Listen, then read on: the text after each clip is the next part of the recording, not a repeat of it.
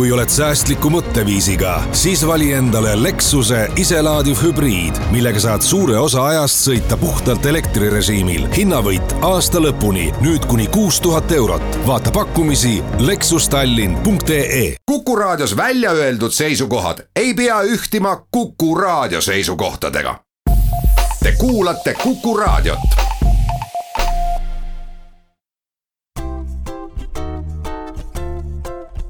patsiendiminutid. patsiendiminutid toob teieni Eesti Patsientide Liit.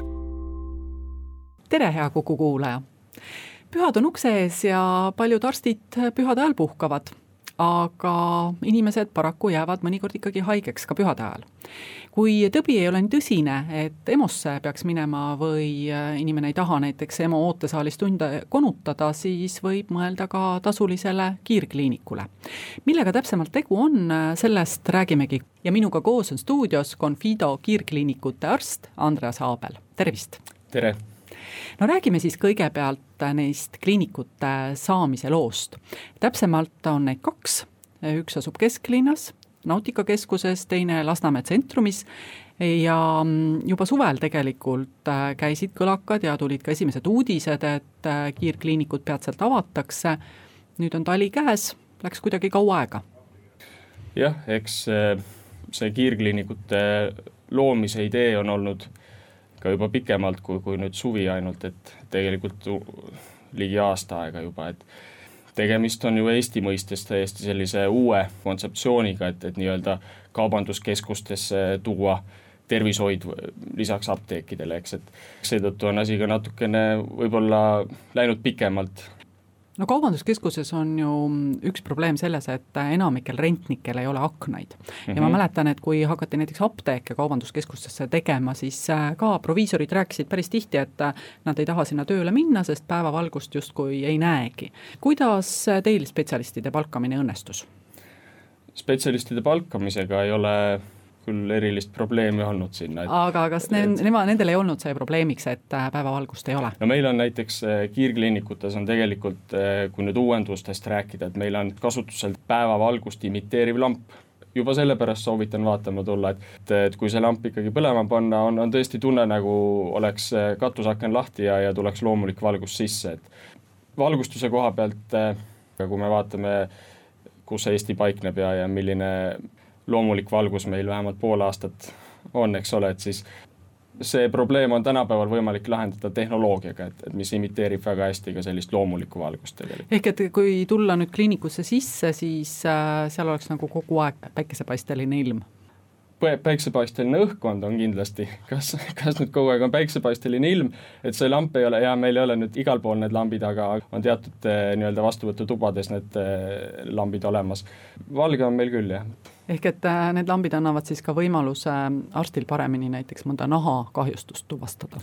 no naha, nahakahjustuse tuvastamiseks on niikuinii, eks ole, omad aparaadid oma spetsiaalse valgusega, et jah, see kindlasti valguse taha ei jää Te ütlesite, et äh, kiirkliinikud on äh, täitsa uudse kontseptsiooniga, samas äh, valvekliinik tegutseb meil ju juba paar aastat, et mis nüüd kiirkliinikutes teisiti on, kui näiteks valvekliinikus Tallinnas, kus on ka ju kliinik lahti õhtutundidel ja nädalavahetustel? kui me vaatame laiemalt, et Confido on tegutsenud juba pikemaid aastaid kiirkliinikud on sisuliselt selline Confido meditsiinikeskuse käepikendus või, või võimalus tuua see meie pakutav teenus lihtsalt inimestele mugavamalt lähemale ja anda neile rohkem valikuvabadust. kiirkliinikutes kindlasti ongi see, see pakutav teenuste ampluaa on, on pea sama lai kui, kui nii-öelda Confido suures keskuses, et ma arvan, et see on juba selline asi, mis meid eristab, kiirkliiniku mõte ei ole kindlasti olla ainult selline valvekliinik või, või, või pakkuda nii-öelda erakorralist abi. seda pakume ka, aga meie eesmärk on, on pea vastupidine, ikkagi pakkuda inimestele konsultatsioone, ennetust, ka krooniliste probleemidega abi, suunata inimesi meie eriarstide juurde, teenuste spekter on kindlasti palju laiem aga räägime veidi lähemalt, et kuidas see töö siis kiirkliinikutes täpsemalt käib, et ähm, kas ennast tuleb enne kuidagimoodi kirja ka panna või võib astuda lihtsalt tänavalt sisse, öelda tere, siin ma olen? võib astuda ka lihtsalt tänavalt sisse, öelda, et siin ma olen, meie viisakad rõõmsad assistendid alati hea meelega võtavad kõik vastu. võib helistada numbril tuhat viissada, mis on eraldi meie kiirkliinikute number, võimalus on registreeruda ka otse kodulehe kaudu, on võimalik kirjutada email meile, üks variant on ka veel meie kiirkliinikute kodulehel tegelikult selline nii-öelda chat, jutuajamise võimalus, see on ikkagi puhtalt kirjutamine, aga et, et sedakaudu on ka võimalik meie assistentide, õdedega suhelda ja, ja küsida, kuidas tulla, mida teha, kuidas aja saab. Kumb siis on eelistatum, panna lihtsalt omale aeg kinni või ka anda teada, et millise probleemiga tulla tahetakse? Kui eelnevalt teada anda, millise probleemiga pöördutakse, on võimalik natukene paremini planeerida seda, et mis spetsialistile me aja paneme, millal see vastuvõtt on, et see kindlasti annab omad eelised, täpselt sama hästi võib tulla astuda tänavalt sisse, et, et sellisel juhul üritame ka leida võimalikult sellise mugava ja, ja kiire lahenduse probleemile, et kuidas siis on, et kui ma nüüd kohale jõuan, et kas siis arstid ja õed istuvad kuidagi kabinettides reas ja juba ootavad äh, patsiente, ka neid, kes ei ole ennast kirja pannud, või on nii, et ähm, keegi saab, kes siis on ennast kirja pannud, saab nagu vahepeal vahele tulla? kui inimesel on aeg broneeritud, siis me loomulikult teenindame inimest sellel kellaajal, kui ta on, kui ta on aja pannud, et see, see on alati eesmärk, et inimene saabki, kui on tema jaoks sobiv, saab selle teenuse kätte aga meil ei ole kunagi tööl ainult üks spetsialist, et eks, et meil on tööl arst ja õde, kui ei ole arsti, siis on tavaliselt mitu õde tööl. usun, et selline olukord, kus nüüd ei pääse mitte kuhugi löögile ja peab, peab pikalt ootama, ma ei usu, et sellist olukorda tekib ütlesite, et alati arsti ei ole, aga kui ma nüüd tulen ja ikkagi on arsti vaja, et kas siis äh, ma pean tagasi minema või kuidagi saab arstiga ka teisel teel kontakti? meie eesmärk on, et kiirkliinikutes alati kuskil arst oleks kohapeal olemas. meil on kasutusel selline tehnoloogiline lahendus nagu telesild, et mida võib-olla inimesed teavad juba, kasutatakse, eks ole, kiirabides, teinekord selliste erakorraliste situatsioonide puhul arsti konsulteerimiseks, kui ei ole arsti kohapeal. meie kasutame seda telesilda näiteks, kui, kui juhtubki nii, et, et ühes kiirkliinikus on arst, teises ei ole, siis on võimalik tegelikult ka selline nii-öelda videovastuvõtt teha et seda ma kindlasti soovitan, väga paljude probleemidega on see täiesti piisav, sest et õde saab kohapeal teha ära uuringuid, teste arst teiselt poolt saab äh, patsiendiga rääkida, see videoühendus on meil väga kvaliteetne, nii et ka igasuguseid nahamoodustusi, kurgu vaatamist saab teha, olen juba katsetanud, on ka inimesi käinud sellel teel, toimib väga hästi ja, ja õnnest-, õnnestub suurem osa probleeme kindlasti ka, ka niimoodi vajadusel ära lahendada, et nii et diagnoosimine justkui ei kannata? Eks loomulikult äh, on, on mingeid probleeme, mis ikkagi eeldab seda, et arst paneb ise patsiendile käe külge ja ise kuulab ja, ja nii edasi. ja, ja sellisel juhul annamegi soovituse ühte või teistpidi toimida. videosilda või, või tele, telemeditsiini ei tasu karta, et lihtsalt jälle annab ühe nii-öelda võimaluse juurde inimesele, kuidas saada kiiresti arsti konsultatsioon kätte kuidas turvalisus on tagatud, et noh, näiteks mingi pahalane ka samal ajal arsti ja patsiendi vestlust pealt ei kuula? No need äh, tehnoloogiad, eks on äh, meie IT-toe poolt ja arendajate poolt äh, nii piisavalt läbi mõeldud, et, et sinna keegi ei, niisama lihtsalt ei pääse kuulama-vaatama. eks neid aspekte on kindlasti ju meile luba andes ja inspekteerides, et sellega on ju arvestatud ja neid, neid asju on vaadatud probleem on pigem täna ainult Eesti patsiendil selles, et täna ei ole veel Haigekassa poolt rahastatud selline videosilla võimalus patsiendi ja arsti vahel. aga läheme siit väikesele pausile ja mõne minuti pärast oleme tagasi ning jätkame juttu Andreas Aabeliga. patsiendiminutid. patsiendiminutid toob teieni Eesti Patsientide Liit stuudios on äh, doktor Andreas Aabel ja Kadri Tammepuu. me räägime täna uutest kiirkliinikutest, mis asuvad Tallinnas ja kuhu võib äh, astuda ka lihtsalt niisama sisse, kui tervis on kehv ja mõnele lihtsamale murele abi leida aga millised need ähm, teie põhilised kunded siis on, et kui me mõtleme, et sadama ja kontorid piirkond ühel pool kesklinnas viitab justkui välismaalastele ja, ja kui mõelda Lasnamäele, siis esimesena meenuvad välismaalastest äh, Äh, Ukraina ehitajad, et ähm, kas siis see põhiline töökeel, millega patsientidega rääkida tuleb, äh, ei olegi täna eesti keel? kiirkliinikud on olnud äh, avatud, eks väga lühikest aega veel, et sellist laiemat statistikat on keeruline teha. on räägitud nüüd nii inglise keeles, on räägitud eesti keeles piisavalt, on räägitud vene keeles, patsiente tuleb äh, igasuguse taustaga, et eks ole, on, on, on ka turiste, kes astuvad sisse, kellel on gripivaktsiin tegemata, on inimesi, kes ühel või teisel põhjusel ei olegi Eestis kindlustatud ja kes pöörduvad seetõttu meie poole, on inimesi, kes lihtsalt soovivad kiiresti saada oma probleemile lahendust ja, ja arstikonsultatsiooni või õekonsultatsiooni. No üks tuttav just kurtis hiljuti, et äh, koer hammustas teda ja ta istus viis tundi EMO-s ja siis ta küll mõtles, et ähm, võiks olla mingi selline koht, kus ta maksab äh, sümboolse tasu, mitte ei raiska oma aega ja saab kohe abi. kui suur tema visiiditasu oleks olnud? see kõik natuke sõltub, milline see koerahammustus on, eks ole, et kui see on selline pigem pindmine kriimustus, mis ei vaja nüüd mingisuguseid õmbluseid või suuremat haavapuhastust, eks, et võib-olla alati neid haavu ei tulegi õmmelda, aga ei saagi õmmelda, aga laias laastus selline arstivisiidi hinnakiri on meil umbes viiskümmend eurot. aga kui peaks mingit kaitsepookimist tegema? et kaitsepookimisi saab ka meie juures teha, erinevaid äh, vaktsiine, eks et hammustuste korral, haavade korral põhiline, mis tasuks üle vaadata, on, et kas on nii-öelda teetanuse vaktsiin on, on ja tehtud äh, kümne-kahekümne aasta jooksul. ehk seda saab digiloost siis arst kohe seda vaadata? seda saab vaadata digiloost, me samamoodi inim-, loomulikult inimese nõusolekul pääseme vaatama inimese digilugusid, äh, pääseme vaatama, kui need on kirjas, pääseme vaatama vaktsineerimisi ja, ja vajadusel saame need vaktsiinid tehtud Eh, aga ma saan aru, et marutaudisüsti enam Eestis väga ei tehta, sest vist marutõbiseid loomi ka metsades ei ole või? marutõbi Eestis on selline haruldus ja põhiliselt eh, nii-öelda marutõve juhtumid pärinevad ikkagi kuskilt välismaalt, et, et seda, et Eestist saaks marutõbe, peab olema äärmiselt eh, suur ebaõnn, et ikkagi sellisest koerahammustusest marutõbe Eestis, julgen öelda, et ei saa. no minu lapsepõlves muidugi sai, aga tõepoolest, et nüüd on ajad muutunud. mulle meenub ka üks proua, kes ähm, kunagi oli kimpus sellega, et keegi ei tahtnud võtta tema kipsi maha. ei tahtnud seda teha perearst, väites, et ta ei oska seda hästi teha, EMO-s öeldi, et ei ole aega ja ortopeed, tema aeg oli siis alles äh, nelja kuu pärast. kas äh, selline proua võiks ka teie juures abi leida? Kipsi mahavõtmisega saame ka kindlasti aidata.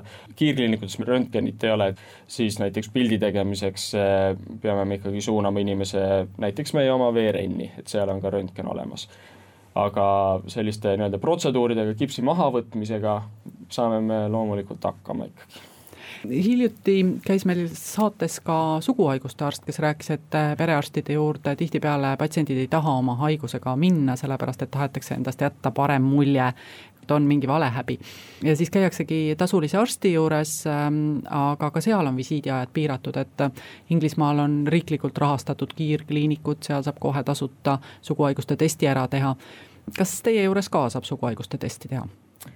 meie juures saab teha suguhaiguste testi, meil on erineva laiusega testimisvõimalused ka sugulisel teel levivatele haigustele et on äh, nii siis uriinist võetavaid teste, on vereteste, siinkohal tuleb mainida, et Confido on erakliinik, meil ei ole Haigekassa rahastust, et meil, meie juures ikkagi kõik testimine alati on, on tasuline ja kõik vastuvõtud on tasulised. no aga täna nad on juba niikuinii suguhaiguste arsti juures tasulised? seda küll kas äh, on ka ette tulnud, no ma saan aru, et kiirkliinikutes ilmselt veel mitte, aga Confidos, et äh, mõni patsient tuleb sisse, arvab, et tegelikult ei olegi tal midagi väga suurt häda, võib-olla natukene kusagilt süda pitsitab või, või pea käib kuidagi ringi või kõrvus kumiseb, aga tuleb välja, et häda on päris suur?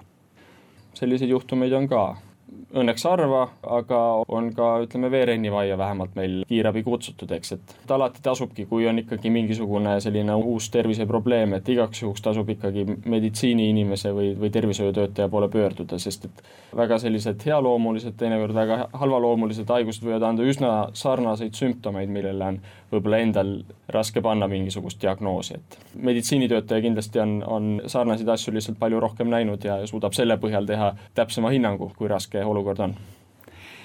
Te ise olete ka Soomes töötanud, kui populaarsed seal taolised kliinikud on või kas üldse tasulisi kliinikuid Soomes leidub?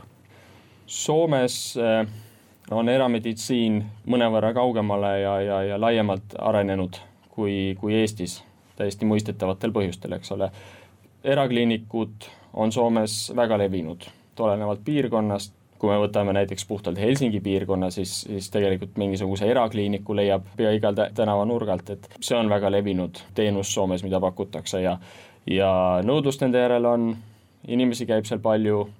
miks inimesed käivad, ometi Soome kulutab palju rohkem tervishoiule kui Eesti, umbes poole rohkem? Põhjused on, ma arvan, samad nagu igal pool, et, et äh, inimesed hindavad teinekord sellist mugavust, teenuse lähedust, seda, et, et neil on võimalus valida, millal nad mingi teenuse saavad, võib-olla natukene personaalsemat lähenemist, mis on erameditsiinis kindlasti üks plusspool ja mis on inimesele lihtsalt mõnusam ja mugavam.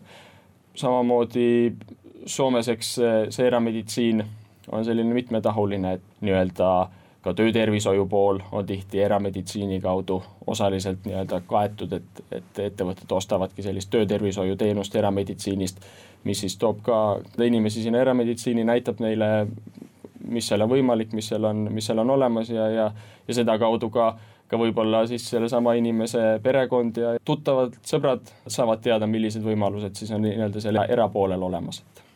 aga kui veel korra tulla nüüd kiirkliinikute juurde tagasi, siis te asute ju kaubanduskeskustes ja need pannakse tavaliselt õhtul kümne-üheteist ajal kinni. kui pikalt kiirkliinikud avatud on? kiirkliinikud on avatud meil eh, hommikul üheksast õhtul üheksani ja, ja oleme avatud eh, kolmsada kuuskümmend viis päeva aastas. nüüd eh, pühade ajal ei ole me avatud päris üheksast üheksani, et on teatud päevad natuke lühendatud, lihtsalt ka seetõttu, et kaubanduskeskuse enda uksed lähevad varem kinni või avanevad hiljem. Aga sisuliselt, et siis, kui kaubanduskeskus on lahti, siis on ka meie kiirkliinik ikkagi lahti aga nüüd ma juba kujutan ette, kuidas ähm, teiste linnade kuulajad praegu meil raadiot põrnitsevad ja, ja mõtlevad, et kõik asjad toimuvad meil kogu aeg ainult Tallinnas.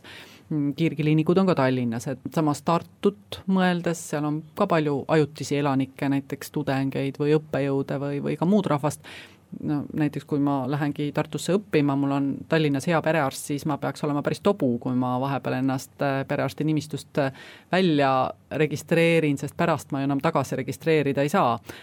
kuidas äh, teil plaanid muu Eestiga on, et kas, kas plaanite äkki laieneda ka teistesse linnadesse? jah, kindlasti on plaan laieneda ka Tallinnast väljapoole, et need kaks kiirkliinikut on selline algus, eks iga uus projekt vajab natukene äh, kõigepealt sissetöötamist, äh, mingite protsesside, mingite tegevuste sellist äh, täiustamist, kui me oleme kindlad, et, et see nüüd on äh, sellisel tasemel, et võime hoogsalt edasi laieneda, siis see plaan kindlasti on olemas ja, ja pigem varem kui hiljem. no väga tore ja siis need inimesed, kes ähm, asuvad kusagil Tallinna lähedal ja see EMO-s ei taha pikalt aega veeta, siis neil on kindlasti pühade ajal võimalus meedikut silmast silma kohata ka kiirkliinikus. aga suur aitäh Confido kiirkliinikute arst Andreas Aabel täna saatesse tulemast ja täname ka kõiki kuulajaid. Saadet juhtis Kadri Tammepuu, oleme taas eetris nädala pärast ja seniks olgem terved. patsiendiminutid, Patsiendiminutid toob teieni Eesti Patsientide Liit